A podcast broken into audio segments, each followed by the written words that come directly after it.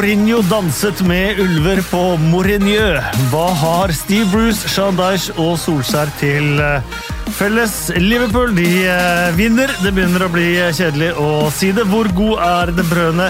Vi fikk en Premier League-dommerdebut i helga, og Big Dunks eh, bytte det lagde bølger.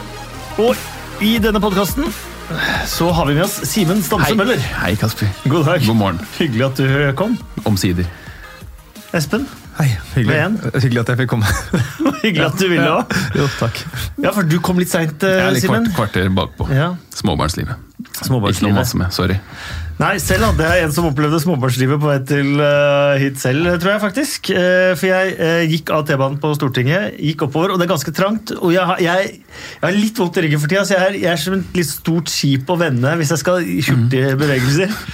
Og, eh, og så kommer det en dame løpende nedover, så jeg prøver jeg å komme meg inn til venstre, men det er folk der òg, for det er ganske fullt på Stortinget sesjon. Og så tar hun bare tak i skulderen min, og så dytter hun til for å komme seg forbi. Jeg er glad jeg klarte å stå på beina her, så hadde jeg rast ned den, eh, den trappa. Det hadde gått gærent. Hun, hun rakk T-banen. Ja, lange rulletrappa?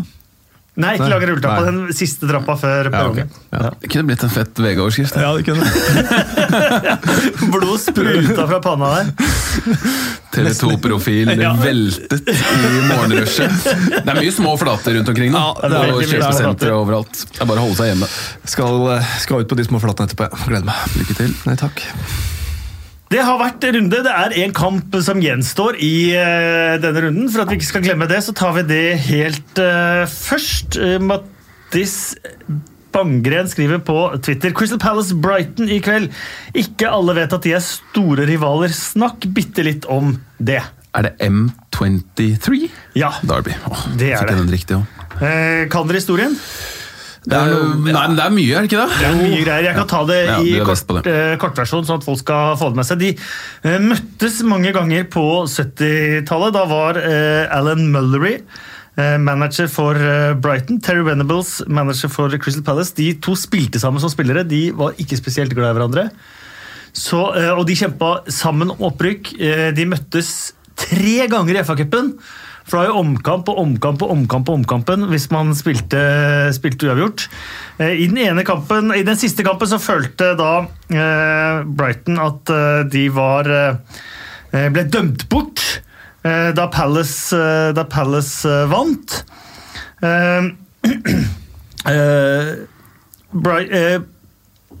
Palace de da hånte Bright-manager Alan Mullery, som svarte med å kaste mynter på Palace-fansen. Og så la han en seddel foran uh, Terry Venables og sa at dette er det dere er verdt. Og så ga han da uh, fingeren opp mot uh, fansen etterpå. Den her klassiske dobbeltfingeren til, som britene bruker istedenfor enkel, enkeltfingeren. Eh, siden så møttes de jo flere ganger. En match hvor Palace fikk fem straffer. Eh, satte bare én av dem.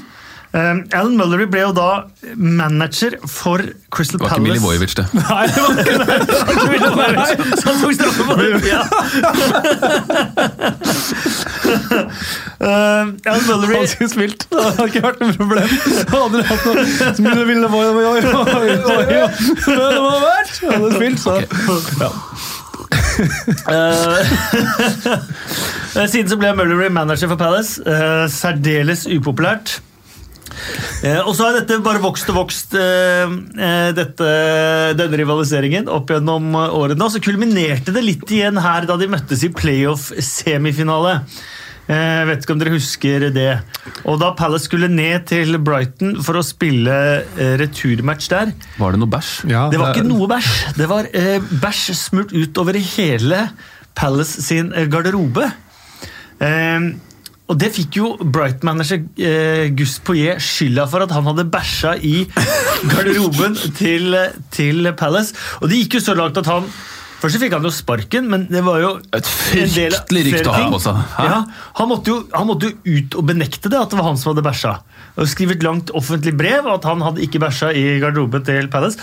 Og så kom det vel frem noen år etterpå, kanskje så sent som i fjor eller forfjor, at det var bussjåføren til Palace som hadde kjørt bussen med spillere ned, og så hadde han eh, kjent at det rumla litt, og så hadde han ikke rukket å komme inn på do. Så han hadde bæsja midt i garderoben eh, til eh, sitt eget lag. Og så hadde han prøvd å tørke bort dette her med litt lite hell. Ja. Uten våt klut. Og til slutt så bare beiner man, liksom. Man skjønner at dette går jo ikke. Stakkars. Eh, Så det er bakteppet eh, foran kveldens match. Det har jo vært et par matcher her nå de siste sesongene, og det har vært arrestasjoner og det har vært litt eh, slåssing og vært litt dårlig stemning. Så eh, en mandagsanbefaling. Og det finnes jo noen lokale tilskudd, noen få. Sånn er det jo alltid i Premier League-klubbene, men noen få. Jeg tenker kanskje spesielt Louis Dunk for Brighton og Wilfried Saha for Crystal Palace er sånne som kjenner dette her skikkelig på kroppen. Absolutt. Og den som i hvert fall kjenner det, er Glenn Murray. Ja, for han har spilt for begge lag. Ja, han skåra jo 30 mål da eh, Palace rykka opp. Og han ble vel skada mot Brighton i den første av de to semifinalene. Eh, med bæsj i garderoben der, og da var han vel ute et år etter den, eh, den eh, skaden der. Eh, Skåra i forrige møte, gjør han ikke det? Vi ser på Sellers Park. jo, det kan også stemme. Han har skåra for begge, ja. mot begge. Um, Han er den eneste spissen i Premier League som hvis han har en hel banehalvdel å løpe på, er aleine med keeper, stopper opp og venter på å kunne slå i støtte. Det er helt merkelig, jeg har sett det et par ganger. Ikke en banehalvdel, men når han har ti meter på en midtstopper, så skjønner han bare at nei. Dette går ikke. Jeg bare må snu. Vi må finne på noe annet. Jeg klarer ikke å løpe. Jeg, ti, ti meters forsprang er for lite. Nei, det er jo en eh, Det er morsomt at han fortsatt er der, og fortsatt faktisk, men det begynner jo å butte Eller det han har har litt ikke fått så mye tillit av Graham Nei, Potter. men Men han viste jo- forrige sesong at han fortsatt kan skåre tosifra. han. Han kan skåre mål, det, men det er liksom noe med konkurransen. Nå har han jo fått eh, tøff konkurranse så nå, jeg skjønner jo godt at han ikke spiller, liksom. Ja, absolutt. absolutt. Hver god ting kommer til denne. Ja. Men han har over 100 mål for klubben. 100 ligamål for klubben. For Brighton. Det er legendemateriale. Eh, Mikael Nordtømme spør på Twitter Hei, skal dere lage en tiårets mål eller eller annenkåring i jula. Ville vært kult å ha en eh, samling i, og glede seg til gjennom romjula. Eh, jeg vet at eh, internettet vårt forbereder noe lignende der. Tiårets kamp og litt sånn, så at vi fikk mailer om. Og så kan jeg da fortelle at i romjula så blir det en podkast med meg, Erik Thorstvedt og Øyvind Alsaker. Hvor vi skal kåre tiårets lag. Ah. Team of the decade. Så den kommer i romjula. Jeg sliter litt med å, forholde meg til at det har gått et tiår, etter at vi kom over 90-tallet. Jeg syns det er vanskelig. 2010 til 2020. liksom. Det er, for meg er ikke tiår, det er bare alt det er en grøt. Men er det tiåret vi har hatt, eller vi, jeg, TV 2 har hatt Premier League? Det starta sommeren 2010. Så derfor så passa det med oss tre, Ja, tenkte jeg. jeg har vært med på halvparten. Ja. Men eh, det har vært et veldig hendelsesrikt tiår. Vi skal ikke oppsummere det nå. Men ja, det, Fotballen det er ganske annen enn den var for ti år siden. Ja. Eller Premier League er ganske annen. Veldig, og kvaliteten og bare noe så enkelt som banene. Gresset. Jeg, jeg har sett tilbake litt på noen kamper eh, som ble spilt for eh, ja, sånn 15 år siden. Gresset var litt, det, det kunne være skikkelig dårlige baner i Premier League, det ser man jo ikke lenger. Nei, kunne det for 15 år siden? Ja, 15 år siden. Ja. Wall Trafford til og med. Det ble spilt noe sånn, jeg vet ikke om det var rugbykamp eller noe sånt. Ja, det husker jeg. Ja, det er under, under 15 år siden, for det er jo vår tid. Ja? Ja. Ok, det var, Det var, for det, Den kampen jeg så var for så lenge siden. Ja. Men uh, det er liksom litt, nå er det helt sånn gulvteppe overalt. Det er det. Lettere å spille fotball da. Lettere. Åssen var det med Biggleswade? Var det sånn det? Nei, det var helt feil. Potetåker. Ja. Det var det som ødela. Hadde blitt eh, tosifra hvis det ikke hadde vært for de banene. Ja. Skal vi starte på Old Trafford? Kan vi gjøre. Det kan vi gjøre, for nå har Solskjær sittet eh, et år i eh, managerstolen, eh, så å si. Han har 18 seire, 10 uavgjort og 9 tap i ligaen. José Mourinho ble sparket etter 17 runder forrige sesong, med ett poeng mer enn det Solskjær har nå. Likevel kanskje ikke helt sammenlignbare situasjoner. Nei, det var vel mye også stemningen rundt klubben som gjorde at eh, Mourinho fikk sparken vel så mye som resultatene som ikke var, eh, var eh, gode nok. Men jeg syns jo den kampen her Skal jeg bare si det da, at det endte 1-1 mellom Manchester Ja, United og Everton. Ja, og Det er jo nettopp det som er litt av poenget her, etter to fantastiske kamper mot lag hvor de kan ligge og kontre. Det er jo kanskje å understreke det åpenbare, men de sliter jo fortsatt med å bryte ned lag som ligger dypt. og da, da er det rett og slett ikke godt nok det Manchester United gjør. Everton var ikke så fantastisk i går heller, så det er jo en kamp de, de bør vinne, spør du meg. En eh, ganske spesiell eh, milepæl. Eh, 4000 strake kampen med et akademiprodukt i troppen for Manchester United siden 1937. Da Tom Manley og Jackie Wassell ble hentet inn igjen på laget mot Fulham. Ja, og det, men akkurat den greia der passer jo ganske godt til eh, prosjekt Solskjær. Da, for eh, med Mourinho så får man jo en diger pakke hvor mye er dårlig, og eh, da må man ha resultater. Mm. Med Solskjær så er det jo ganske annerledes. og Etter at vi hadde eh, Darren Fletcher i studio, og jeg fikk prata litt, for man lurer jo virkelig på hva er greia her. Eh, er Solskjær mannen de vil satse på, eller er det bare en sånn eh, "Ah, Vi må bare ta det som er tilgjengelig og håpe på at det skal gå greit. i hvert fall. Men, men det virker virk, helt oppriktig talt som at de har en langsiktig plan, og at øh, få øh, et- en dårlig rekke, si en dårlig måned eller kanskje en dårlig to måneder, ikke kommer til å ha noen ting å si i det lange løp for Solskjær. Så han sitter veldig trygt, sånn jeg forstår det nå.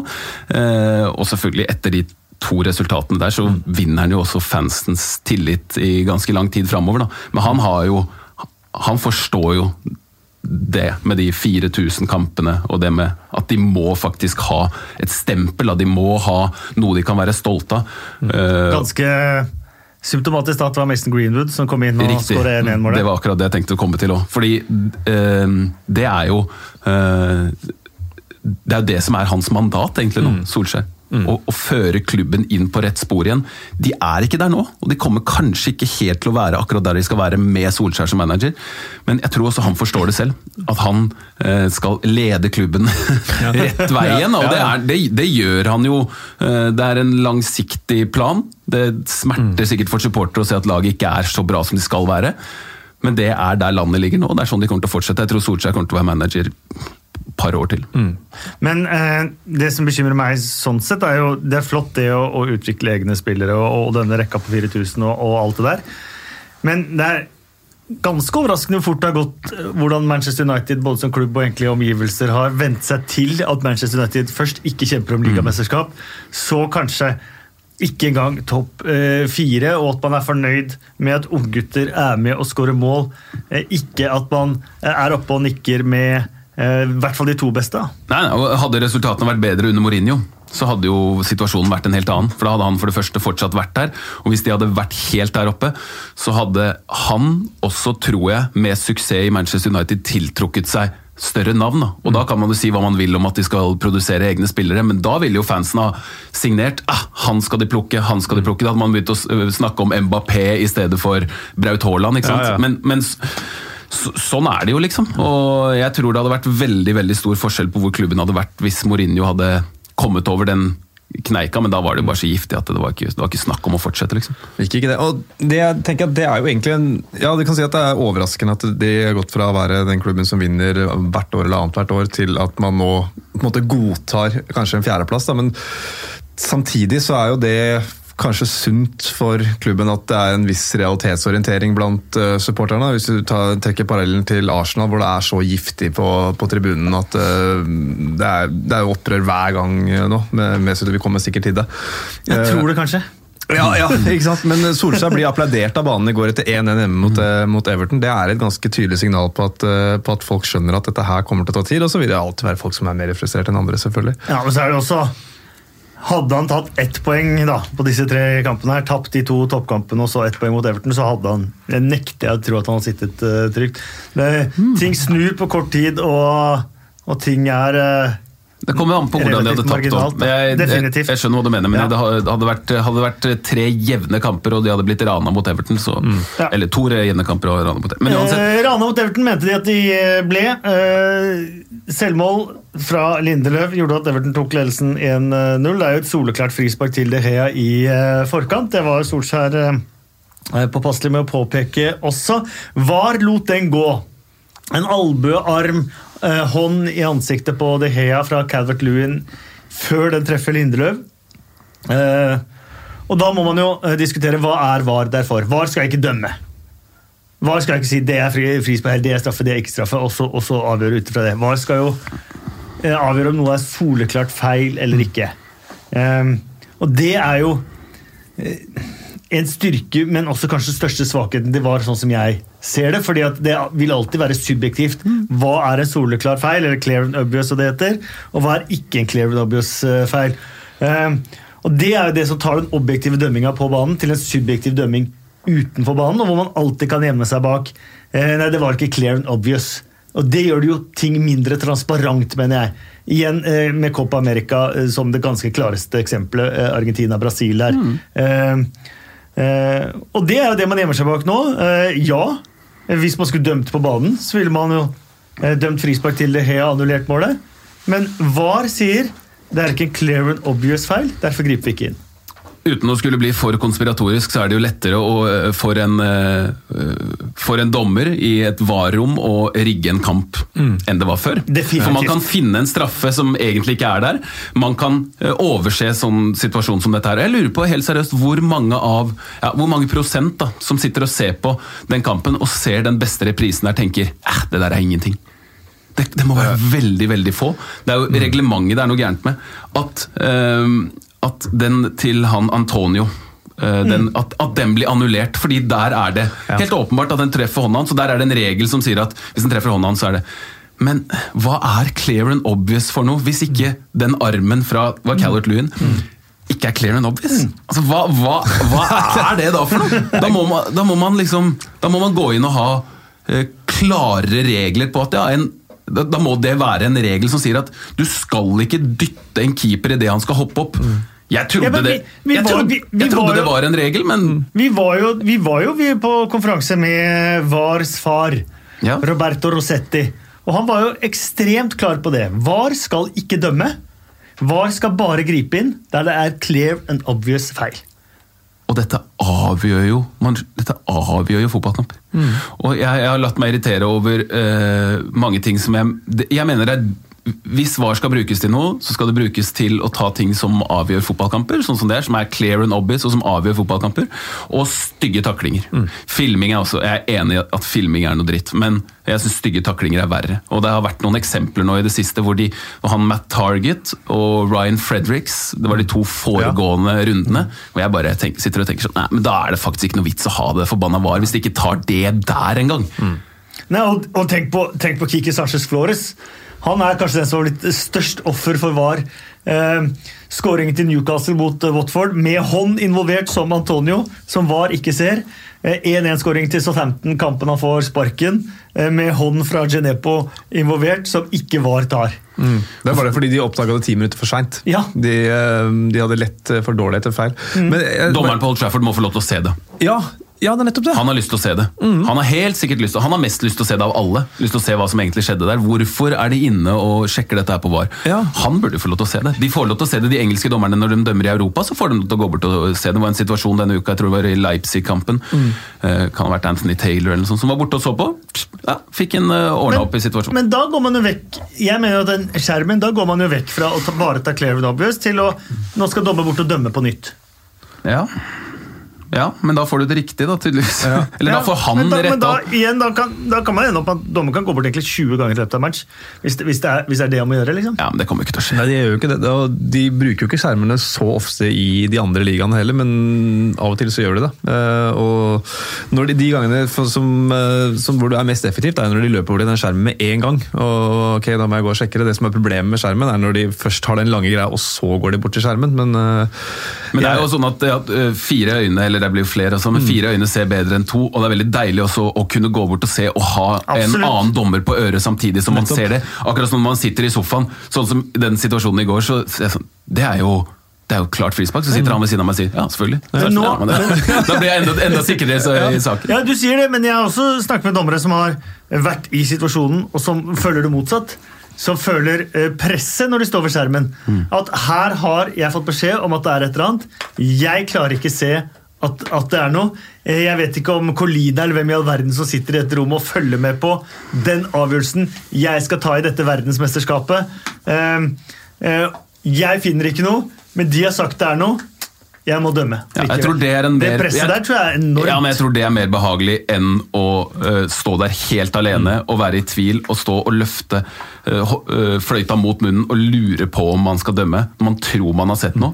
Men, men dreier ikke dette som tillit i dommerteamet? Eh, Det er akkurat som de gangene før var hvor eh, assistentdommer ser en forseelse i feltet, sier på øret, vinker, det er straffe i feltet. Eh, Ja, hva skjedde? Nei, det og det skjedde. Ja, jeg har ikke sett det, men du garanterer? Ja, jeg garanterer, og så dømmer du straffe. Det er det samme, det er jo tillit i teamet, det. Yep. jeg er enig i det. Jeg er enig i det. Jeg, jeg trodde tidligere at eh, VAR skulle fungere bedre enn det det har gjort. Og jeg tenkte, fordi jeg, jeg har latt meg irritere veldig ofte av dommerfeil, eh, men det oppstår jo fortsatt, selv når de ser de samme bildene som jeg ser, og vurderer totalt motsatt av det jeg som har sett tusenvis av fotballkamper tenker. Jeg er ikke dommer, men jeg, jeg vet at den, det målet der burde vært annullert. Vi eh, kutter var der, og så går vi til bytte av eh, Moise Keane. Han ble byttet inn av Big Dunk eh, Ferguson, byttet ut 19 minutter senere da vi kom til det 89. minutt. En Duncan Ferguson som ble hyllet unisont her på podkasten for en uke siden. Og en, en Duncan Ferguson som ser at det pøsregner ute, tar av seg dressjakka, går ned i bare skjorta.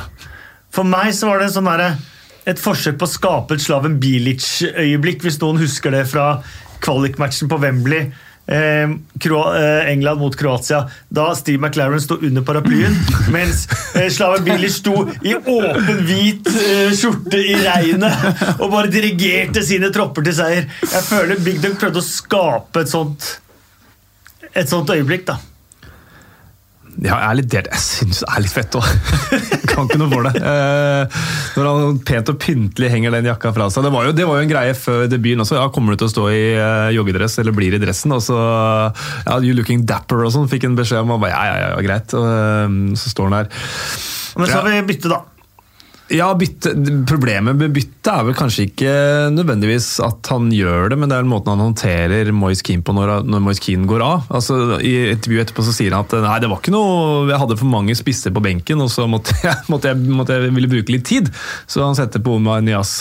Men han ser jo ikke på Moise Keane, han lar den 19-åringen bare gå av gårde uh, uten å i det hele tatt uh, forklare. Hvis, hvis det er forklaringen, så bør han jo bare si det til Moise Keane det han tar han av. At uh, det her er ikke noe personlig, men uh, antageligvis ja, Jeg vet ikke, jeg er ikke i huet til Big Dunk, men uh, kan det være han rett og slett var grisemisfornøyd med, med innhoppet. Jeg spurte Everton-sporterne på Twitter hva de mente. De var relativt uh, delt. Uh, Inge Grytbakk skriver helt på sin plass. Han har åpenbare holdningsproblemer og gjør ikke det han blir bedt om å gjøre. Dessuten gikk det litt tid på slutten der. Lov er taktisk smart òg. Tror det er en god grunn til at Juve solgte, og at han knapt får spille. Øystein Gjelle Bondhus skriver kunne ikke vært mer uenig. Du tar av en 19 år gammel italiensk gutt som prøver å tilpasse seg livet i Premier League for å ha 75 000 uten å se han i øya. Uten å legge armen rundt skuldra for å forklare hvorfor. Det er en helt vanvittig eh, svak personalbehandling av en leder. Den situasjonen du nevnte i stad, dette med at han tok av seg jakka, sånn, det er jo et, et tegn på at han tøffer seg. Det er det. Ja, selvfølgelig. Og eh, han, han Det er en veldig merkelig situasjon for han, da, da klubblegende får den sjansen her. Eh, Jeg så Da han gikk ut eh, på Goodison før Chelsea-kampen, så går han opp der, blir han annonsert Duncan Ferguson, så snur han seg, ser han på eierne, peker på dem! Liksom sånn 'Jeg er her!' Og, eh, og noen av de tingene han da har gjort hele veien her nå, føler jeg at det er en sånt Han skal virkelig vise at han er der. Han skal, og jeg tror at det han sa etter kampen, var at han, han hadde skjønt at dette her var han, Jeg følte i hvert fall, han skulle tøffe seg litt. Her er han som er sjefen. Han tar et, eh, et valg som folk kommer til å snakke om, og det var et, eh, det var et tøft valg. Gevinsten kan være Tenk hvis Omar Nias blir matchvinner her. da. Da sitter man og snakker om at det var genialt. Det er ingen som nevner kanskje, men det er sånn at han ikke så han i øya der. Ja, Det ordner de opp eh, etterpå osv. Men jeg syns det virker som at han kanskje i litt for stor grad skal tøffe seg og være seg selv og gjøre sin greie fullt ut. Og så eh, skjønte han at det var litt eh, i overkant, og så må han eh, rygge litt og, og, og bruke en unnskyld. Jeg tror ikke det var grunnen, det han nevnte. Og så er det, det ja, Vi har jo snakka med en og annen eh, Premier League-spiller. Man kan snakke om press på jobben, og, og de aller fleste uh, har jo et visst press på jobben, og vi har et press på det vi skal gjøre, men jeg tror ikke vi er i nærheten av å kunne forstå hva slags press mange Premier League-spillere uh, opplever. Um, og spesielt ikke 19 år gammel, høy prislapp, kommer fra Juventus. Gjort det dårlig. Eh, hva slags press han opplever i hverdagen. Jeg tror det kan være enormt. Jeg tror det presset kan være nesten drepende. Vi er jo mennesker, vi òg.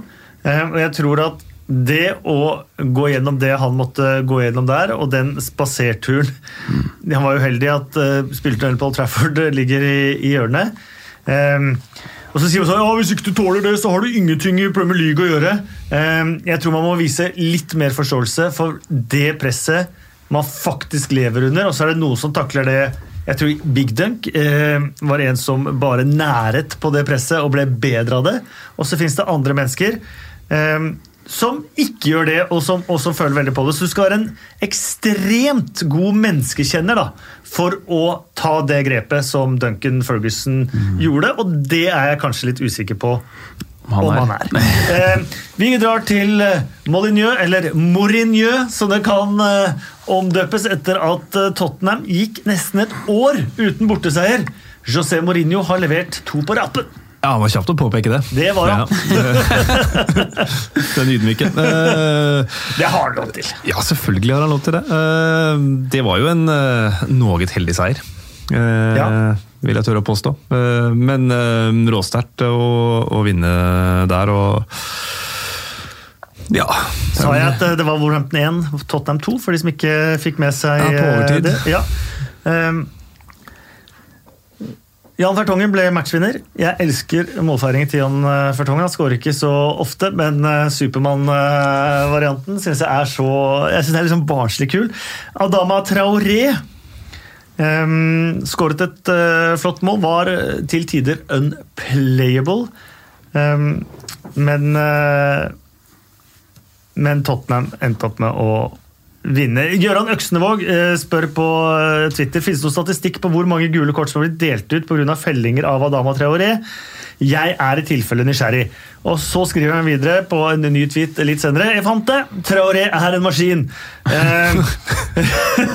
Eh, for eh, Aldevrel, Dyer og Harry Kane fikk eh, fikk gult kort for å takle Adama Traoré, og eh, 24 spillere har fått gule kort for å takle Traoré eh, denne sesongen. Hæ?! Bare denne sesongen? Ja. Nei. Jo. Og Det er jo Det er, helt helt det er ville tall, altså. Ja, denne sesongen. 24 spillere. Eh, men hva skal vi si, da? Du ga, du ga Eric Peters masse kred forrige gang for å ikke klippe sånn. Ja. Eh, Tottenham gjengjeldte ikke den Nei, nei, nei. nei, i denne matchen. Det var nesten litt fælt å se på etter hvert, når de én etter én eh, tok hvert sitt gule for å, for å ta Traoré der. Ja, det er jo Jeg skjønner jo at eh, man blir frustrerte på både tribunen og på benken når det der skjer gang etter gang etter gang. Og som du sa i stad, Simen, med dette med, med VAR og de stygge taklingene. Det her er jo Selv om de ikke treffer så vondt, så er det mange, flere av disse her som er sånn karrieretruende taklinger hvis, hvis det går ordentlig gærent. Eh, Men burde det vært en regel om man si at det går ikke an å ta sånne laggule kort hele veien? Hvis du tar det tredje laggule på én spiller, så blir det rødt. eller et eller annet. ja, det, ja, det var Nå gikk de jo på tur, og det har vi sett i mange andre kamper tidligere, at lag går på tur for å ta stjerna med et gult kort. Ja, Da tenker jeg det er bra at dommeren gir gult på alle sammen nå. da. Ja. Eh, så det er kreditt til dommeren. Eh, det var en kamp mellom Chelsea og Manchester United for noen år siden hvor eh, var det ikke Mark Lattenberga som på en måte ga et laggult kort etter at de hadde hakka ned Eden Hazard tusen Ja, ganger. og Til slutt så var det bare Andre Rera som var uheldig og, og tok han siste gangen, så fikk han det gule, selv om det ikke var det styggeste. Um, men eh, Nei, det er, jeg syns jo ikke noe om det, selvfølgelig. Eh, Som jeg sa forrige uke, så syns jeg Peters var fin, men eh, det, var ikke Tottenham. Jeg syns det litt for sjeldent blir gitt rødt kort på ting som egentlig bare er gult. Ja, Fordi det kan Altså Når det er helt åpenbart at man ikke tar ballen Ja. Altså En gang iblant så tenker jeg Ålreit. så, så får bare, når man bare er kyniske, liksom. Husker den der eh, Chelsea-Tottenham-kampen og da Leicester vant ligaen? Ja. Hvordan Tottenham-spilleren holdt på da. Da var jo Glatmer ville jo ikke i Han mente liksom at han Game føl- management. Ja, game Ja. management. Følte ikke for å gi flere og ja, andre farger på kortene og sånn. Uh, men det er jo uh, det er jo litt beskrivende òg, at det er Mourinhos Tottenham som eh, Selv om de har gjort det før òg, så er det Ja. sånn Og at um, Dele Alli eh, fortsetter å gjøre bra ting, det noterer jeg meg. Altså, at han har den, den derre chipen, vippen han har gjennom til Eric Dyer, der hvor eh, Dyer skyter i stolpen. Jeg elsker å se sånne ting. Det minner meg om eh, Mikael Laudrup. Han gjorde det ofte. Den derre litt sånn halvkamuflerte vippen. er veldig effektivt. Ofte, ofte så prøver man å stikke gjennom Jeg eh, tror du langs tenkte på bakken. uh, Ian Crook, ikke Michael Edry. Jeg vet ikke hvem det er men, men Han ble kalt chippy pga. Okay. det. Veldig effektivt i hvert fall. Ofte så ser man at man prøver å stikke gjennom når det ligger med et helt sykt tett i forsvar inne i 16-meteren. Vippe! Det, er, det er masse luft! Det er bare å vippe den over. Nok luft, sa Stig Mathisen. Vipp, vipp den ballen over! Der er det jo mulig å spille den inn. Ja, jeg likte den. Espen Tangstad på Twitter. Innspill. Spurs var tolv poeng bak Chelsea før Mourinho tok over. Spurs kan passere Chelsea kommende helg. Det er vel uh, innspillet som taler vel for seg, tenker jeg. Det har vært en uh, suksessfull ansettelse, det, og Lampard-toget har uh, spora litt av. Liverpool 2, Watford 0 på Anfield Watford med en ny manager, Nigel eh, Pearson. Eh, Han fikk starte mot, på Anfield. Kiki Sarsis Flores starta borte mot Manchester City. Vi husker hvordan eh, det gikk da City vant eh, 8-0. Pearson klarte seg langt bedre. Så bra at Watford hadde fortjent kanskje å være mer med i, i matchen, eh, også på tavla. Ja, Hadde noen ja voldsomme det, misser der. det var vel Kike Sanchez Flores bare sånn, uh, Han var vel kanskje ikke likevel. Han hadde Arsenal hjemme i aller første, men han hadde vel Chelsea borti, nei, City borti i neste. Var det hans andre? Det var hans andre, ja. Da husker jeg Eh, feil.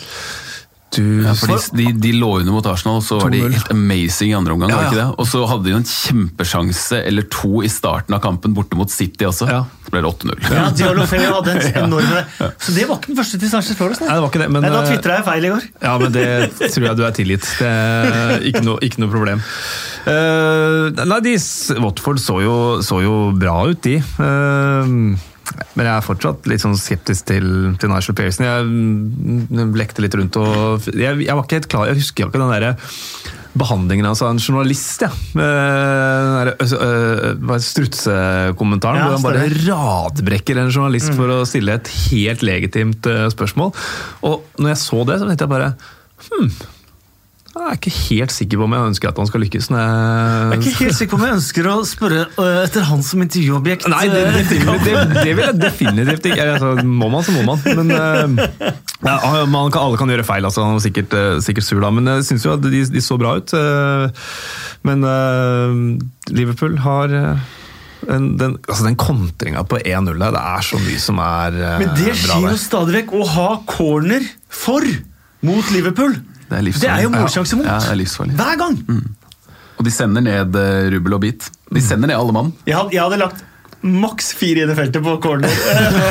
Så Det er en av få måter man kan score mot Liverpool òg, da. dødball Dødballer, liksom. Selv om Liverpool har fått litt orden på det. De har det. ikke sluppet inn én corner enn så. Nei, men det, ja, jo, det har de. Mot uh, Champions League, var det. Men uh, det er liksom, når man blir såpass spilt bakover, når man får en corner, så må man jo eh, Da må man jo sende fram folk. Man er jo nødt til det, hvis ikke så kan man jo like gjerne bare gi opp. Da må man, eller gå for 0-0, selvfølgelig. Westwood skrudde jo en direkte inn på Anfield.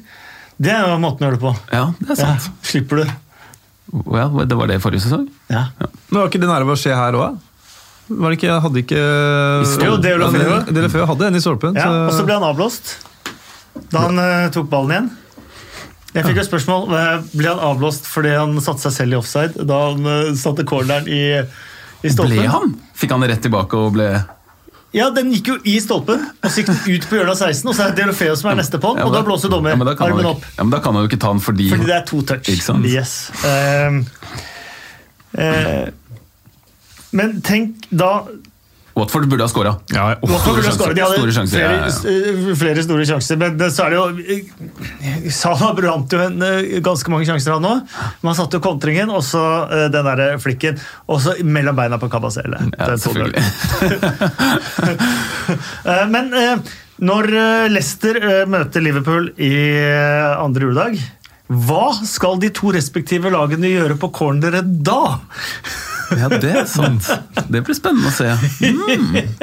Du bare blir stående, og så bare slår, slår den inn. Eh, Hver corner vil jo da bli målsjanse for motstanderlag. Ja, det er sant. Den er det Du får bare la være å sende folk en gang. Bare se- ha to mann, der, to mann der inne, og så satse på ja, må unngå kontring på Eller skal du slå corneren bare helt tilbake til midt, Det an, det midtstreken der du har et lag, og så bare starte etablert angrep? For Ja. Det går an, det. Eh, Chelsea 0, Bournemouth 1.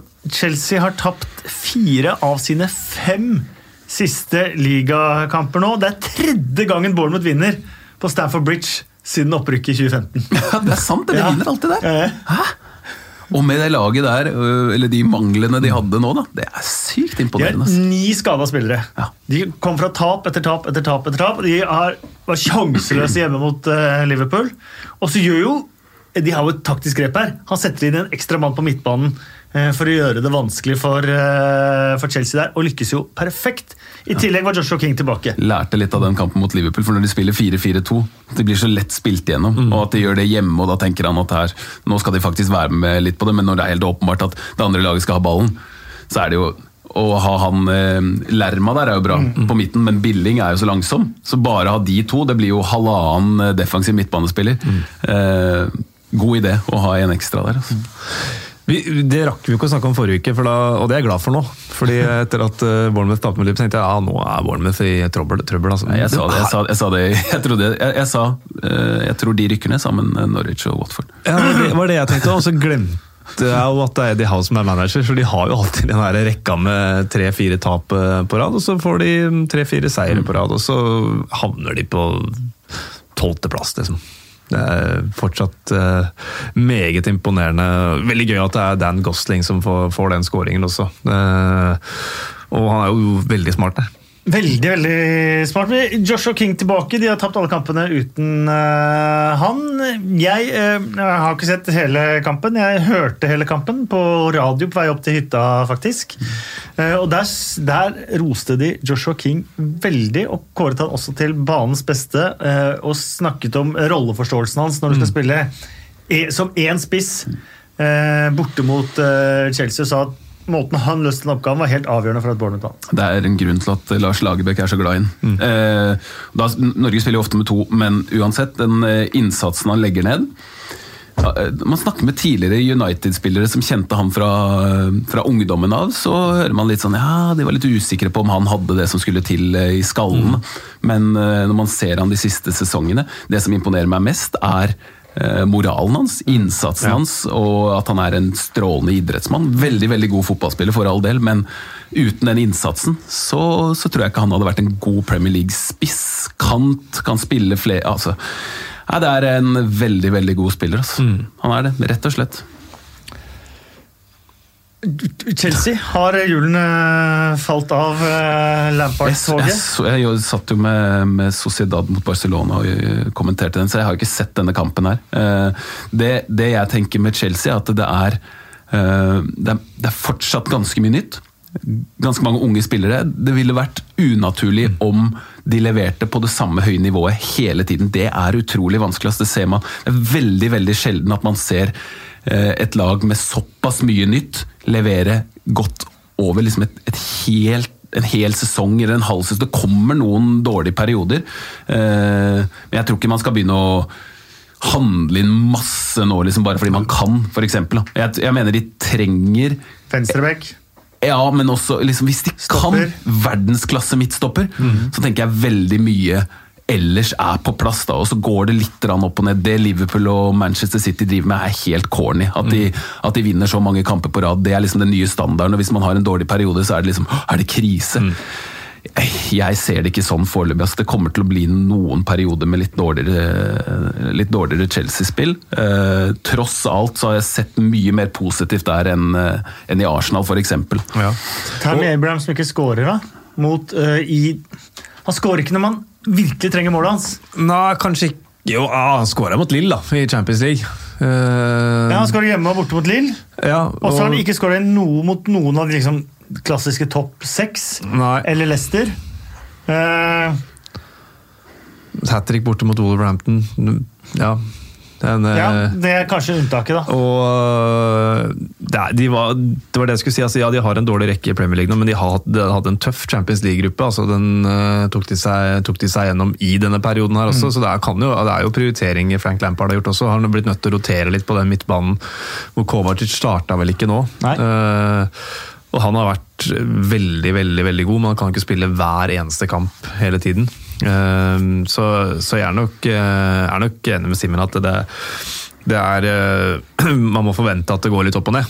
Sånn er det med Tammy Abraham òg. Hvis, han- hvis han hadde fortsatt på akkurat samme måte som han gjorde i høst, så hadde man jo snakka om at han er en av verdens aller beste spisser. Mm. Men man snakka jo eh, da i hvert fall om at kan han ta plassen til Harry Kane på Englands landslag neste sommers EM? Ja. Såpass høyt snakka, man jo om han. Ja, jeg har aldri lagt de ordene i min munn, men jeg, jeg, jeg Men du har hørt folk si det? Ja da, jeg, jeg, jeg skjønner liksom, men det er ganske typisk at når en ung, god spiller får en sånn eh, start som det der, så bare flyr man av gårde. Men det kommer alltid en nedtur. liksom. Det er ikke sånn at det, ting bare ta, Sånn var det jo med, med Rashford i starten òg, han scora hele tiden. Så etter hvert så bare Ja, ok, men hva, er han så god, eller er ikke? Jo, han er så god, men det går litt opp og ned. Så har han vært skada òg. hadde en hofteskade, og så kom han tilbake mot Aston Villa og halta av da. og Burde kanskje ikke spilt mot eh, Everton eh, noen dager etterpå. At kanskje Batshuayi burde fått, fått tillit der. Eh, Giro er jo helt ute i kulda. Men uh, hvis vi skal beskytte de unge spillerne til eh, Chelsea litt, da. Ja, men jeg, for all del, jeg stiller kritiske spørsmål, og så får jeg Foreløpig ganske gode svar. eh. Som passe. Kan man stille spørsmål ved Frank Lampard? Han har én sesong bak seg i Derby. Jeg har snakket om det i denne podkasten tidligere, at jeg var veldig imponert over det han gjorde i Derby forrige sesong. Han fikk jo også tilgang til veldig gode spillere. mm. Men, eh, men kan man eh, peke på han på noe tidspunkt her for denne formsvikten? Ja, det kan man sikkert, men jeg, samtidig så, og det tror jeg jeg har sagt før også, syns jeg Frank Lampard har vært veldig, veldig smart gjennom hele sesongen i alle intervjusituasjoner, måten han uttaler, på seg, uttaler seg på, hvilke forventninger han har til laget sitt og sånt. At det er veldig flink til å ikke ta når de gjør det bra. Eh, påpeke at det er en prosess, bla, bla, som sikkert er kjedelig å høre, men han sa vel for, for, for et par runder siden at det verste som altså Han er ikke så glad i eh, hyllest, da. Eh, praise. Han synes man skal være forsiktig når man får hyllest. Og det, det høster han jo for så vidt frukten av nå. så at det, ja, hans, hans stilling i Chelsea den tror jeg er, er veldig veldig sterk. Spennende å se hva som skjer nå, da. Spennende Ja. å se hvordan han reagerer på den første dårlige perioden. Eh, fordi det er jo Det er jo også lærdom, liksom. Han er jo fersk. Så akkurat som mange av spillerne. Eh, Hvordan reagerer de på motgang? Det er jo ofte det som skiller eh, virkelig klasse fra resten. Eh, jeg har alltid tenkt eh, Frank Lampard han har jeg trua på, han kommer til å bli en bra manager. Eh, og så har det sett veldig bra ut nå, eh, men hvordan han svarer på motgang er en del av liksom helhetsinntrykket. Ja. Og det er veldig moro nå da med Tottenham mot Chelsea. For det er den som kommer nå på søndag. Der får man jo antagelig noen svar på, på hvor god manager han er da, i én mot én med gamlesjefen. Åh, det, det, ja, det blir gøy. Det blir fryktelig moro. Leicester 1, Norwich 1. Leicester hadde åtte seire på rad. Var de hadde scoring i åtte kamper på rad. Så var det stopp. Temo Pukki sendte Norwich i ledelsen. Var de trodde han fikk ni på rad, men det var dessverre en trakt, ikke en sil, bakerst hos eh, Norwich, som trakta den i, i eget mål, rett og slett. Ja, Tim Krohl er jo eh, en gave til eh, vi som er glad i fotball. Han gjør så mye bra og dårlig om hverandre. Han hadde vel en tweet her, han var aldri lei av den der winning feeling. Så, ja, det var så fett, altså! Han kan han kan- kan- kan ikke ha vært veldig mye sliten. Eh, og så var det straffegreiene, det røret der, og mm, selvmål nå. Eh, fargeklatt. Fargeklatt. eh, Norwich skal sies at Norwich hadde Temo Pukki hadde i hvert fall sjanser til å skåre hat trick. Eh, han har 38 ligamål nå siden starten av forrige sesong. Det er flest av samtlige i de fire øverste divisjoner. Var jo inn i en ganske lang dry spell der, men eh, nå har han skåra i tre kamper på rad, er det det? Tre av fire. Tre av fire har han skåra. Samtidig som Jeg kan ikke huske en kamp jeg Norwich ikke slapp inn på dødball. Jeg kan, seriøst. Jeg inkluderer forrige sesong. De slapp inn mot eh, Sheffield United på dødball, gjorde de De det? Etter dødball, eller? De slipper inn på alle dødballer. Hver gang. Nei, slutt nå. Jeg De- de tror ikke- hver kamp. Ja, jeg tror ikke de slapp inn mot Chelsea tidlig i sesongen. Jeg tror Nå må du være dødball. positiv, da. 1-1 borte mot Leicester. Det er dødsbra resultat. Det er jo det. Og nå fikk du Nei, er det ikke det? Ja, men da, da har du altfor høye ja. Ja. ja, Glem det. Nå er det lys i eh, et eller annet sted langt fram i den tunnelen. Det er langt fram den tunnelen. James Madison sa det. Håper Norwich er eh, tålmodige, fordi at de har mer enn nok kvalitet til å bli oppe. Det er jo hans storkjærlighet. Det som eh, Nok, kanskje ikke mer enn nok, men nok. Ja, han sa mer enn nok. Ja, vet jeg. Men, eh, Eh, det, som, det som stjal overskriften her, var jo situasjonen der Buendia var skadd. Norwich spilte ballen utover sidelinja. Eh, Innkastet går til Kelechi Ienacho, som eh, da skal gi ballen tilbake til Norwich. Eh, Det skulle han ikke! Han skulle angripe og skåre mål!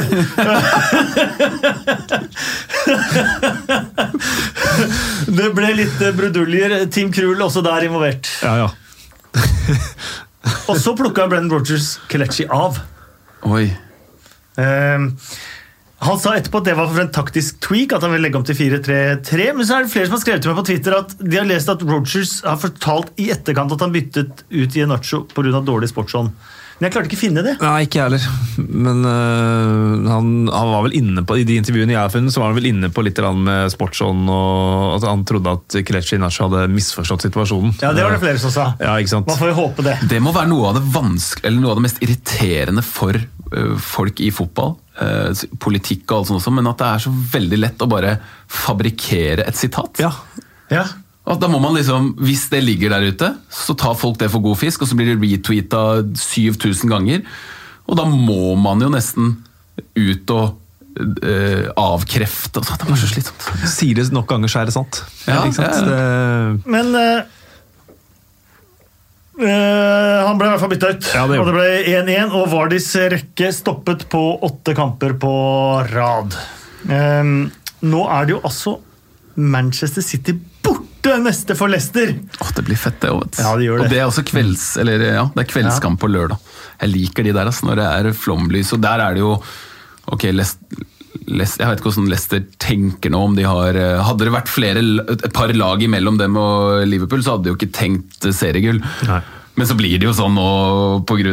at de har vært det nærmeste laget. Så jeg lurer på hvordan inngangen er til den kampen. Rogers er jo ikke akkurat forsiktig eh, eh, manager i Ofte da, så vil de jo spille seg framover og sånn, og det er jo begge de to Nei, det blir fet kamp. Syns Det Roger har blitt så tynn. Har du merket det? Har jeg ikke tenkt på.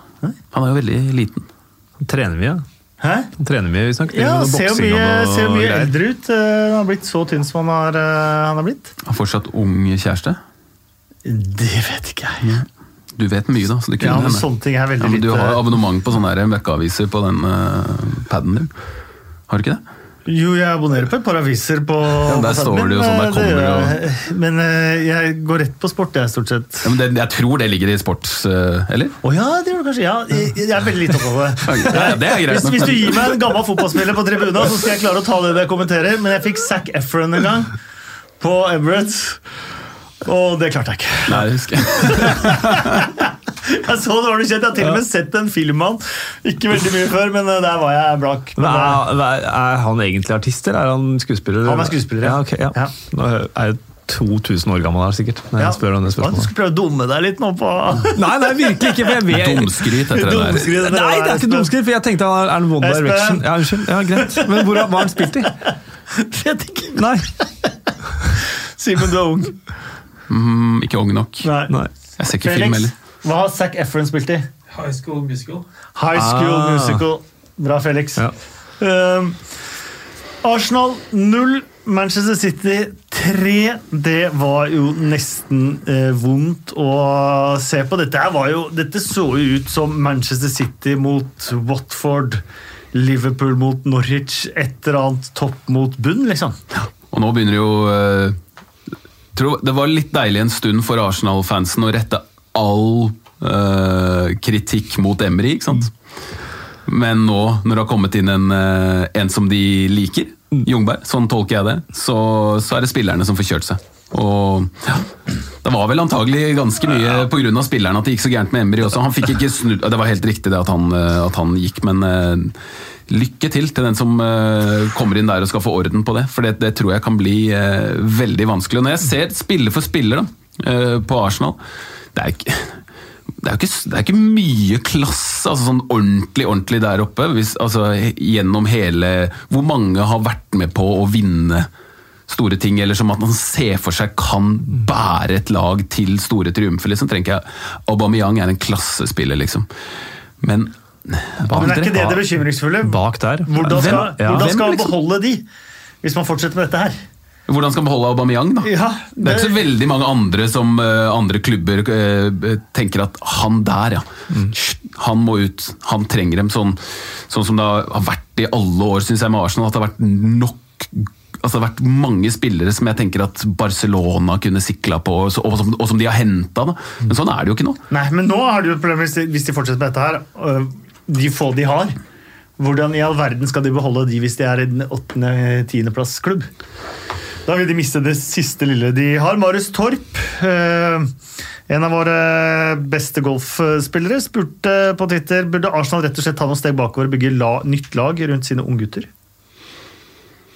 Ja, men er ikke det litt det Jungberg prøver på også? Eller at de tenker med Han gjorde det underveis mot Manchester City. Ja, Man syns jo så godt på slutten der også.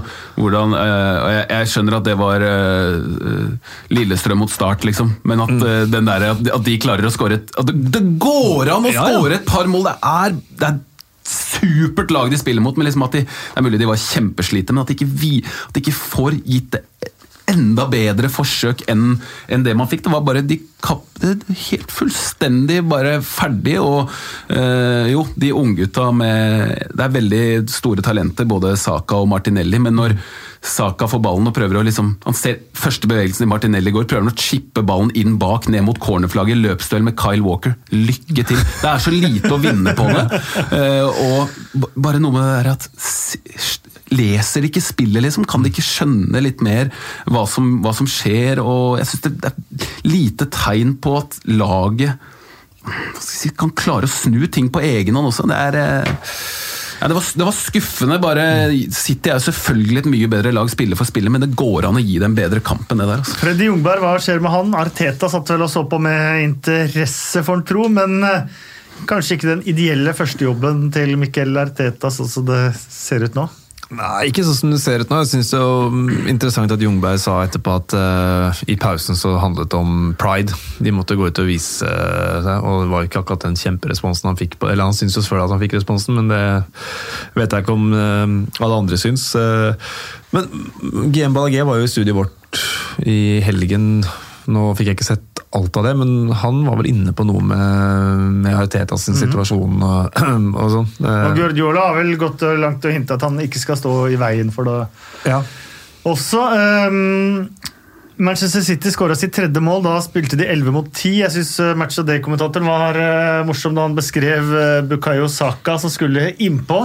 Eh, så ut som en babusjka når han skifta av, for det var så mange lag med klær som skulle av før han ble, ble klar, og det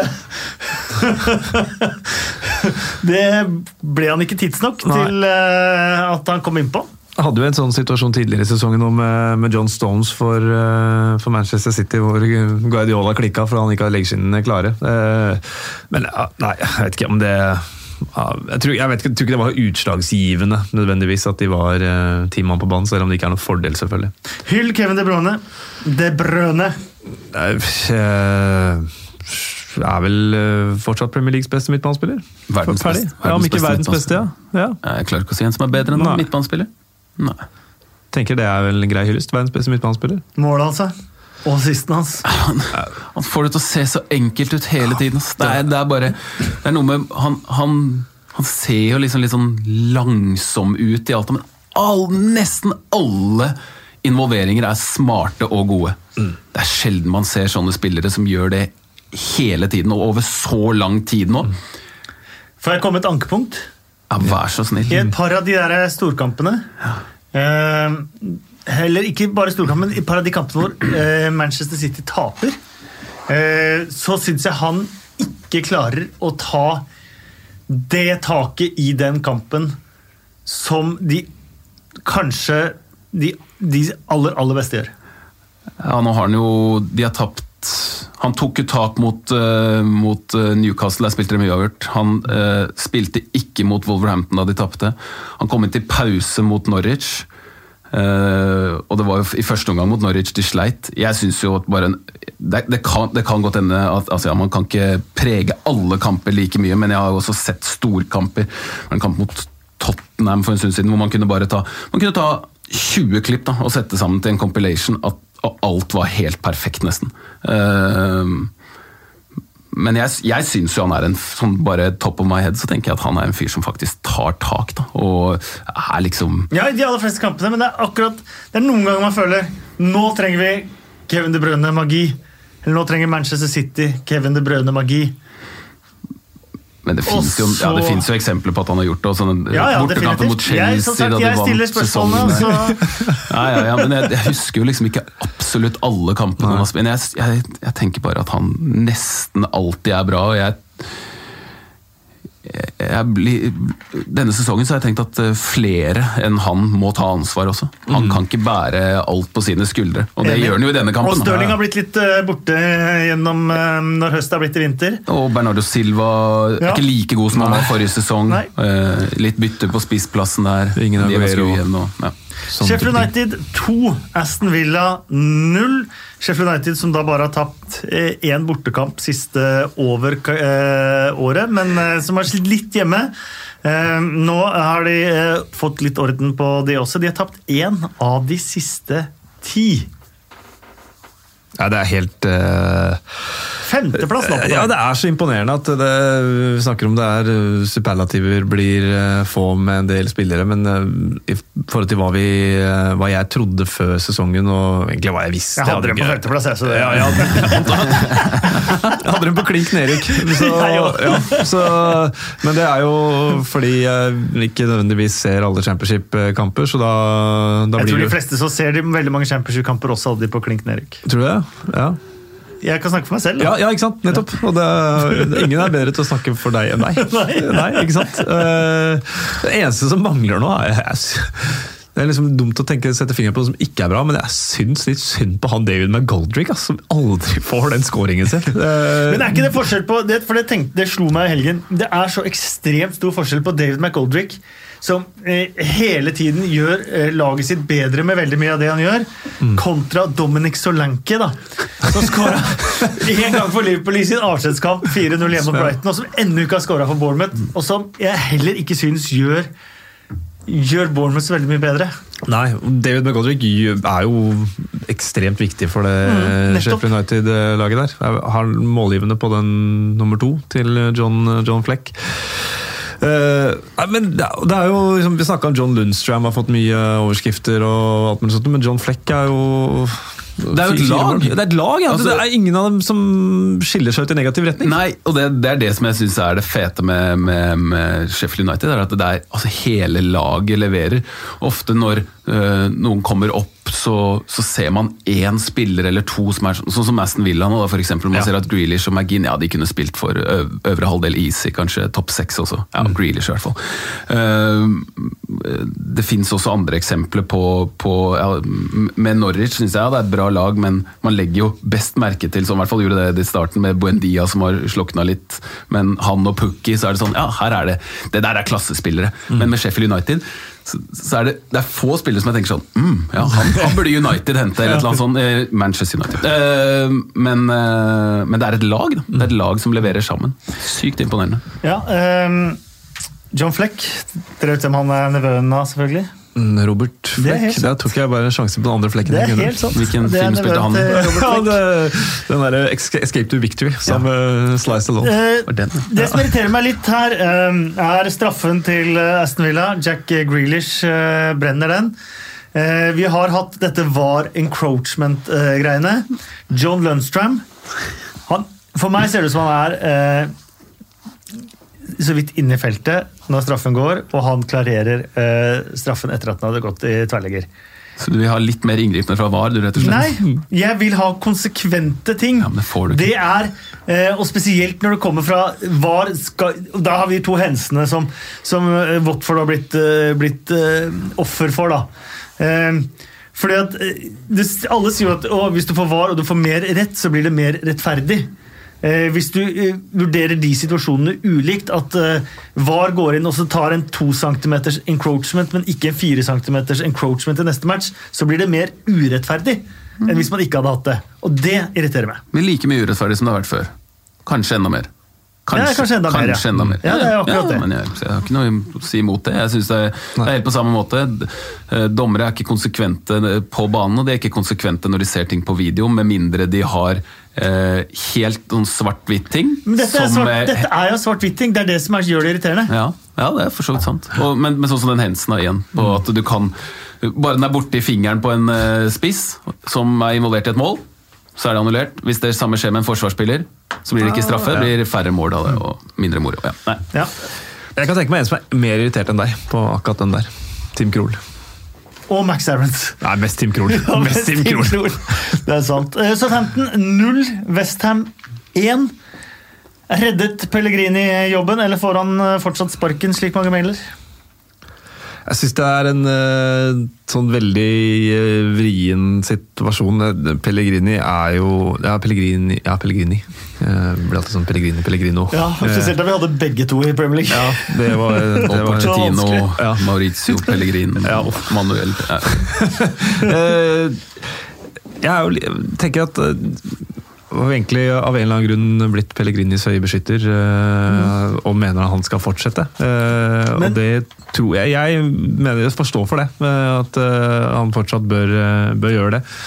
Eh, ikke vært helt heldig med, med skader heller. Den, altså, du, keeperen er på en måte en spiller du tenker han blir ikke skada. og når han blir det, så bør de selvfølgelig ha en backup, men det er vanskelig.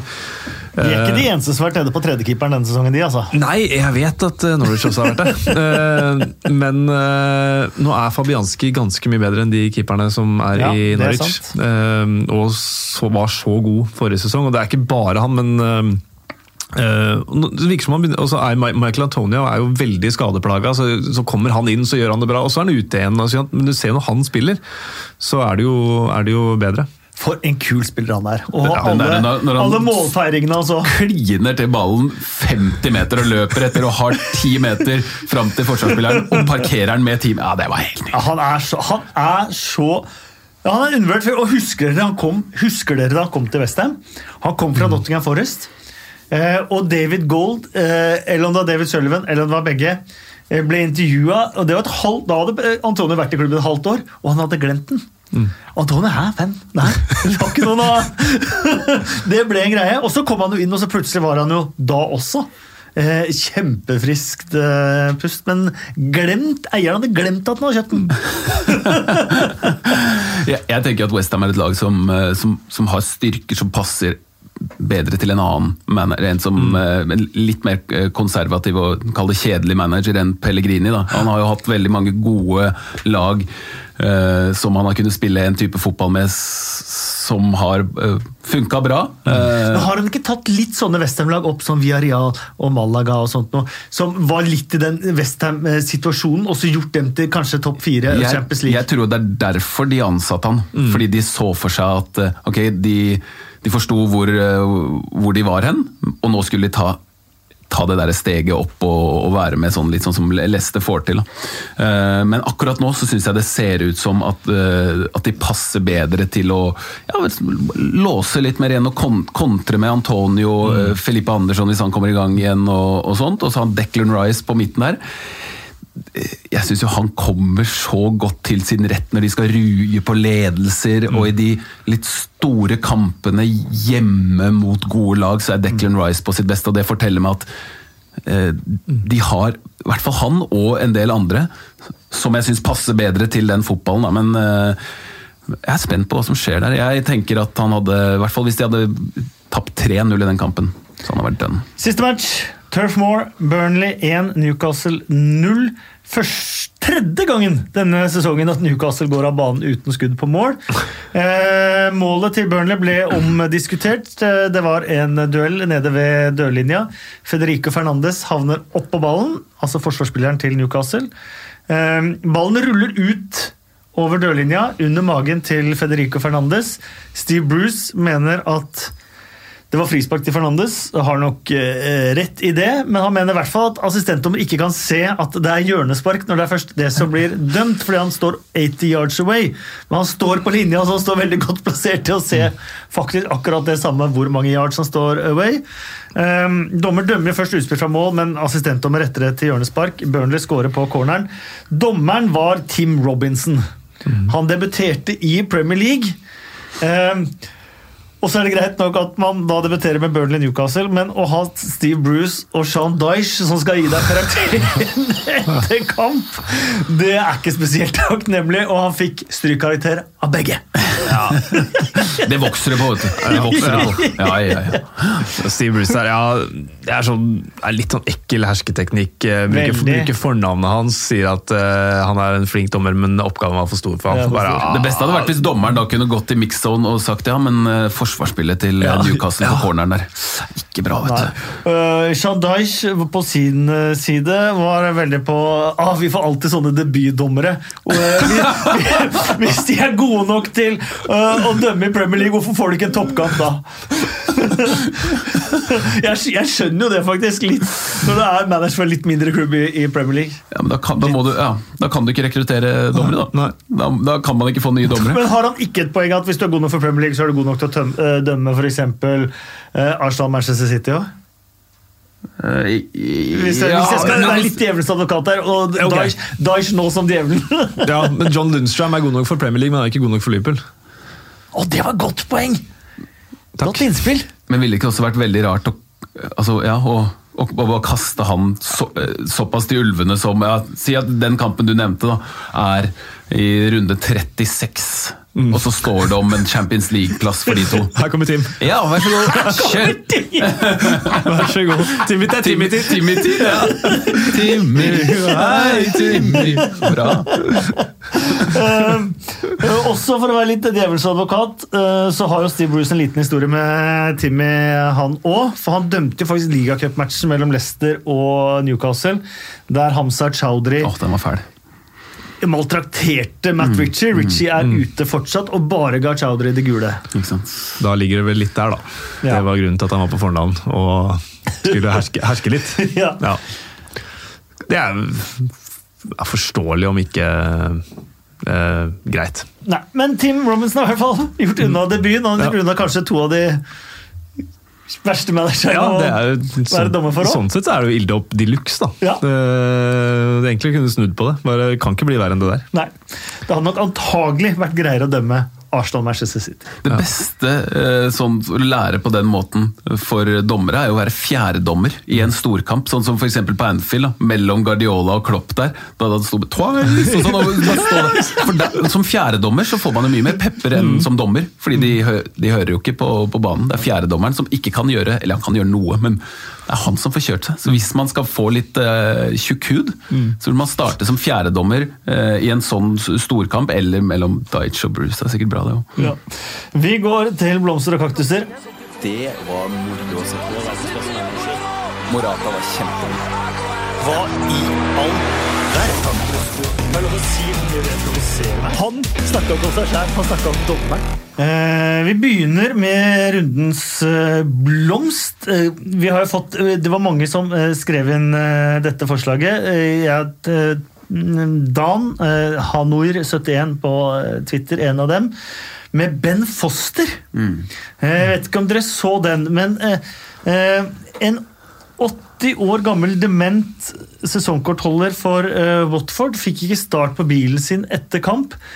Skulle spasere hjem.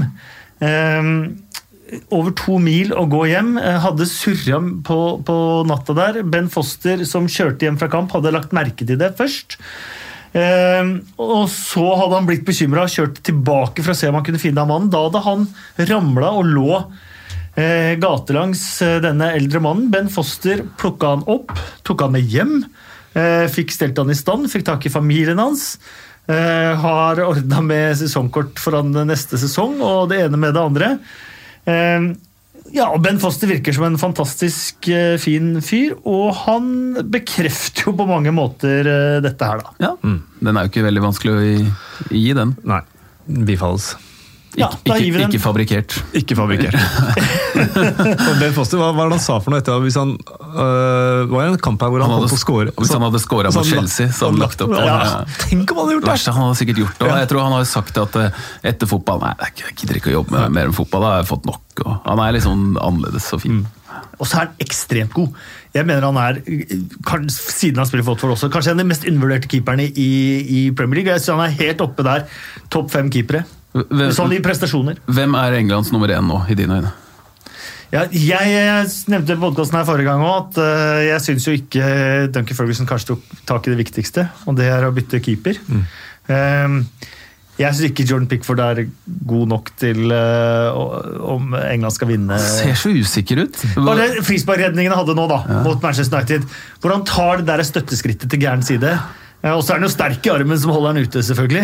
Men det der er ikke så vanskelig eh, redning som Veldig han gjør det til. teknikk. Veldig rar teknikk. Også den, den som jeg syns er enda mer eh, beskrivende for han, det er den McTominay. Man ser ganske tidlig at han kommer til å slå gjennom Daniel James. Den brukbare sjansen han hadde der. Han, han bare rygger og rygger. Det er liksom han og så, og så etterpå bare ja, jeg, Slapp av, jeg har dette, og null stress. og Han er så rar. Ja, enig. Um, når vi kommer da til kaktus, så eh, er det jo en god del forslag på Duncan Ferguson pga. bytte av Keane. Det er også forslag til blomst til Duncan Ferguson, som Mats skriver. Ikke redd for å ta grep og bytte ut Keane igjen. Helt riktig avgjørelse, når han ikke gjorde noe av det han sikkert fikk instrukser om. Um, så der er jo folk delt, da. Men nevnte, Jeg syns ikke det er verken det ene eller, det, eller det andre, men eh, nevnte ikke du den med Janacho i stad? Den, ja, Det er, det er kaktuskandidat. Er ikke det veldig kaktus? Jeg syns det er kjempeklink kaktus. Klikkkaktus. Ja, ja, ja. Jeg er enig. Og alle, det er morsomt, for alle Leicester-spillere er sånn han misforsto. Og så, Hvor lenge har han spilt fotball? Hvor mange ganger har han vært i den situasjonen? Og Det påpeker jo Tim Krohl, at alle som spiller fotball på dette nivået, skjønner hva som er greia. Ja. Dette er ikke snakk om misforstå, mente han da. Nei, enten må, ja, At han er så sosete at han faktisk ikke får med seg hva som har skjedd, det er jo eh, det er en, Det kan skje, faktisk. det er den eneste muligheten. Ja. Man er midt i Det er intenst, tror jeg, å spille de kampene her. Og spesielt når man ikke vinner, som man har gjort så mange ganger, og, og, og så plutselig så havner man i en eller annen boble. Ja, Det skal veldig mye til å ikke få med seg det der. For alle som har spilt én fotballkamp i sitt liv, og noen har spilt ut ballen, så da er det jo et Men Hvis du ikke har fått med deg at noen har spilt ut ballen, og du er, ja, ja, nå har sjansen, liksom. ja, Det er halmstrå han kan klinge seg til, men Ja. eh, Jeg skal ta en bitte litt forsvar og tro at det kanskje er det, men jeg er med på én kamp. Men da har han ikke misforstått, da har han bare, ikke- bare ikke forstått. Ja, ikke sant? Ja. Og det er jo ikke bra, det heller. Eh, øyeblikket. Geir Isaksen mener det er Salas uh, luke på Kabasele. Ja, den er fin, og så syns jeg jo forsøket til Ismaila Zair er et ganske eh, fint øyeblikk òg, da. Altså, også, nå- og, også for han, da. Så kommer Kevin De Brøne noen timer etterpå og bare sånn skal du gjøre det. Ja, for det er et øyeblikk, det òg. Eh, eh, begge måla til Kevin De Bruyne spør du meg, er eh, klare kandidater til Ja, det er vel å Det er, ikke det, det er en runde foreløpig, må sies, uten de store øyeblikkene. og Nesten tippe at det kommer i, på, i mandagskampen. Forrige mandag vi satt her, Espen, da var det masse jo øyeblikk. fem øyeblikk å velge med, men det var for mange. Nei, nå syns jeg ikke jeg har ikke et sånt der, eh, veldig klart øyeblikk som jeg kommer til å huske for evig og alltid. Det er jo eh, selvfølgelig det mest, over, eller mest oppsiktsvekkende som skjer denne runden, er jo Bournemouth. At Bournemouth slår Chelsea. Gosling-scoring er det øyeblikket, kanskje. Ja, Eller jublinga etterpå, altså etter var. Enig. Hvor Det var skikkelig bra. Hvor han bare etterpå bare Ja, ja, det gjorde ikke noe, vente litt. eh, Og så løper de ned til fansen igjen. Det var faktisk litt morsomt, for han hadde jo fått eh, gode hint fra benken. Ja. Som han sitter og sett på iPaden. Dette. Dette, dette blir scoring. Ja. Dette blir scoring. Han sto egentlig bare og gleda seg til å begynne å Ja. feire. Ja. Eh, eh, scoring. Enig. Eh, ukjent eh, helt. Midriff på Twitter til Joe Gomez. Som må bort fra målet til Salah, er han banens beste mot Watford, etter min mening. De er liksom på Matip skadd, Lovren skadd, og Gomez som egentlig var nesten førstevalget ved siden av van Dijk, som liksom har blitt liksom tredjevalget på stopper to. Han kommer inn og gjør en veldig god match. Han er jo egentlig bedre, men han har gjort litt rare ting i høst. Og så hadde han den skaden forrige sesong. Ja, han, er- han, er jo, sånn. han, er jo, han har jo Jeg syns jo den for, altså for et år siden, da, da han spilte før han ble skada borte mot Burnley, så var det jo han og van Dijk og Laporte som var de klart beste midtstopperne i ligaen. Mm. Så han, han eh, Lovren imponerer, det må jeg si. Det er, det er noen spillere på Liverpool som bare løfter seg sammen med laget, og Lovren er sånn eh, når, Han og Henderson, når flomlyset er på på Anfield, så er de på sitt beste. Jeg syns det viser eh, karakter. da, Så kan de være litt sånn halvveis i en eller annen bortekamp mot et litt dårligere lag, Eh, men Lovren, at han er en av de som spiller ganske ofte for eh, verdens beste lag nå. Ja, VM-finalist, han, da. Ja, beste, en av verdens beste stoppere, sier han jo selv. Ja, han har jo selvtillit, Ja. men eh, det at han har spilt i stedet for Gomez, syns jeg er, det, det, er, det er bra gjort av Lovren. Og så Mm. kommer Gomez til å, tror jeg, etter hvert bli partner til van Dijk eller Matip, også er veldig veldig god. Så tror jeg Gomez for framtida er mannen. Kan jeg bare få komme en liten litt innspill? Eh, Du var inne på Emi Buendia, mm. som spiller for lag som ligger nest sist på tabellen. Det er bare fire spillere som har flere målgivende enn han denne sesongen. Og enda da så har han hatt en periode hvor han, hadde vært litt trøbbel og Han var ute av laget etter Watford-matchen, ja. Langt ute av laget! Ja, han var vel, eh, var vel omtrent ikke Fikk ikke altså, komme på trening engang, antakeligvis. Nei, da var Farke rasende. Men Dere skal få avgjøre. Øh, nei, da syns jeg det er en bedre sånn For han er mer ukjent. Ja. de, ja. Ja, det var koselig. Eh, det var det. Da går vi over til Bill Edgar. Arsenals syv siste. Aldri skjedd. Første gang siden er den sjette spilleren. Fun factsene til Bill Edgar. Bill Edgar er jo statistikkmann i The Times. eh, bilaget, mandagsbilaget The Game. eh, i, I The Times så kommer Bill Edgar med sine statistiske betraktninger. De syns vi ofte er så morsomme at vi eh, siterer de her i podkasten. Jeg må si at det er litt lav expected wow eh, denne gangen. Uh, man kan ikke finne gull hver gang, si.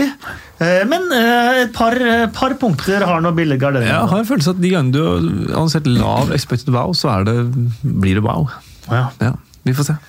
Liverpool er første lag siden Sunderland i 1891-92-sesongen til å vinne 16 strake hjemmekamper og skåre minst to mål i hver av de i toppdivisjonen. Ja, kjempebra, sånn som Wow. Sun- Sunderland er nå. Det er jo å, å, få, å få nevnt Sunderland i en positiv sammenheng. Ja, for det var Sunderland som var wow her. Ja, ja, ja, ja, ja, ja, ja, det er kjempe... Tenk at de gjorde det i 1891-92! Tenk at de gjorde det! Det var en helt ellevilt bra tweet der i nå hvor eh, klubben tweeta hvem burde spille.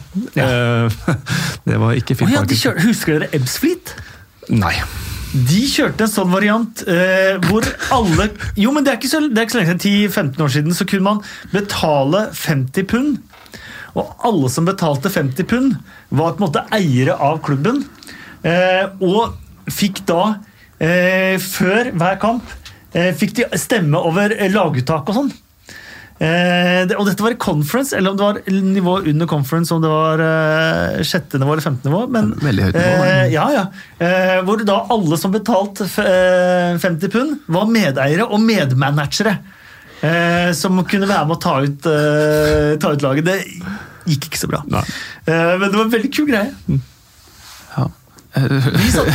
For manageren vet jeg ikke hvor fett det var. Men, Nei, men- men det blir jo ganske altså, På, på jobben eh, der jeg jobba da, så hadde jo eh, Kai betalt 50 pund, så der satt vi, eh, satt vi før runden og så, og så funderte litt på og stemte over laguttak. Ikke så, så så Kai kunne si Kai i Norge? ja, Hvis alle i hele verden kan kan gjøre det, så veit jeg ikke. Men hvis det bare hadde vært de som var på kampen og så dem, så Nei, nei.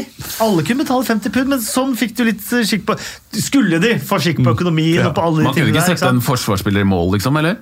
Nei, nei. Nei. Nei, nei, nei. nei. Litt sånn PC-liga back to day, hvor du Ja. tasta inn nummeret. Men, uh, Men dere husker ikke det? Nei, jeg gjør ikke det, men det var litt Men sikkert noen av de som hører på podkasten, som var en liten medeier i Ebsflit. Det kan godt være. Jeg tenker de gikk på navn og sånn, ja. Det, sånn som for eksempel eh, Max Power på søndag. Max Han hadde Power, vært bankers på det laget hver gang. Um, vi fortsetter med Bill Edgar. Både Sheffield United og Sheffield Wednesday klatrer opp til femteplass i sin liga denne helgen. Og da John Lundstram assisterte John Fleck, var det første målgivende mål fra John til John i Premier League siden John Terry assisterte John Obi Miquel mot Fulham i september 2013. Der er jo også wow Ja. John Obi Miquel, at han scora. Men den kampen kommenterte jeg, for det var det første det målet til uh, John Obi Miquel. Da klikka Var det det. da det regna griser ute? Oppover, ja. opp- Det var det. Uh, Det stemmer. Westham har nå skåret og sluppet inn 5682 mål i sin 100-årige ligahistorie. Det er even Steven. Litt kjedelig. Balansebjarne, var det det du ble oversatt på den Seinfeld-episoden? Var det ikke Erling Jevne, da? Erling jevne, var det? Stemmer det! Stemmer det, Erling jevne, var? Seinfeld har jeg bedre kontroll på enn Ebbsfleet. Ja, si. Eh, Manchester City pådro seg 24 frispark mot Arsenal. Det er flest fra noen lag på de siste 812 Premier League-kampene. Hmm. Det er vel litt wow. Det er litt wow. Ja. Um, før vi tar fem kjappe spørsmål, så minner jeg da om at første juledag så kommer Arne Skeie-podkasten. Arne Skeie mimrer om uh, sin tid som kommentator i engelsk eh, fotball. Det var ikke få år heller. Uh, massevis av fint fra Arne Skeie der. Minner også om at eh, litt senere i romjula, sånn kanskje fjerde juledag, så kommer eh, tiårets lag, kåret av Øyvind Alsaker og Erik Thorstvedt. Eh, vi minner også om at vi er på Twitter. 2PLpod heter vi der. Da kan du kappe huet hans. Eh, hvis du går på iTunes, så foretrekker vi Ikke fem, kappe hodet fem der. stjerner. Ikke noe kapping av hodet der. Eh, der leser vi ikke kapping, der leser vi bare ros. mens på Twitter så leser vi kapping. Eh, og så må vi si takk, Felix for at du lagde episoden. Takk til eh, moderne eh, media. Eh, fem kjappe spørsmål. Klare? Ja. Signerer Manchester United Erling Breit Haaland? ja. Ja. Bør Øsil være ferdig i Arsenal? Nei. Ja.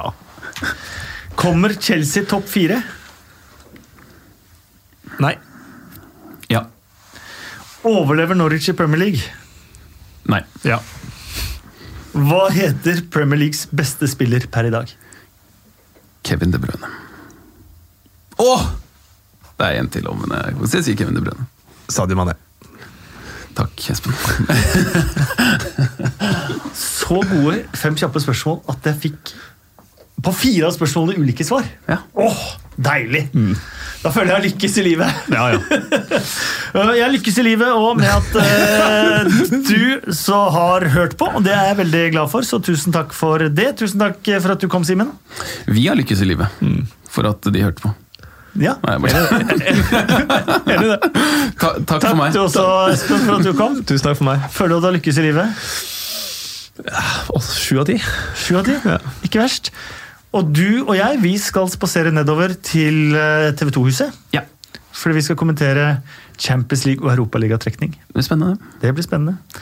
Ehm, Du har antageligvis fått med deg trekningen når du hører på denne podkasten, og du får eh, kose deg med Crystal Palace Brighton i kveld. Og lykke til også med alt som skal skje framover mot eh, jul, både fotballmessig og forberedelsesmessig. Takk for nå.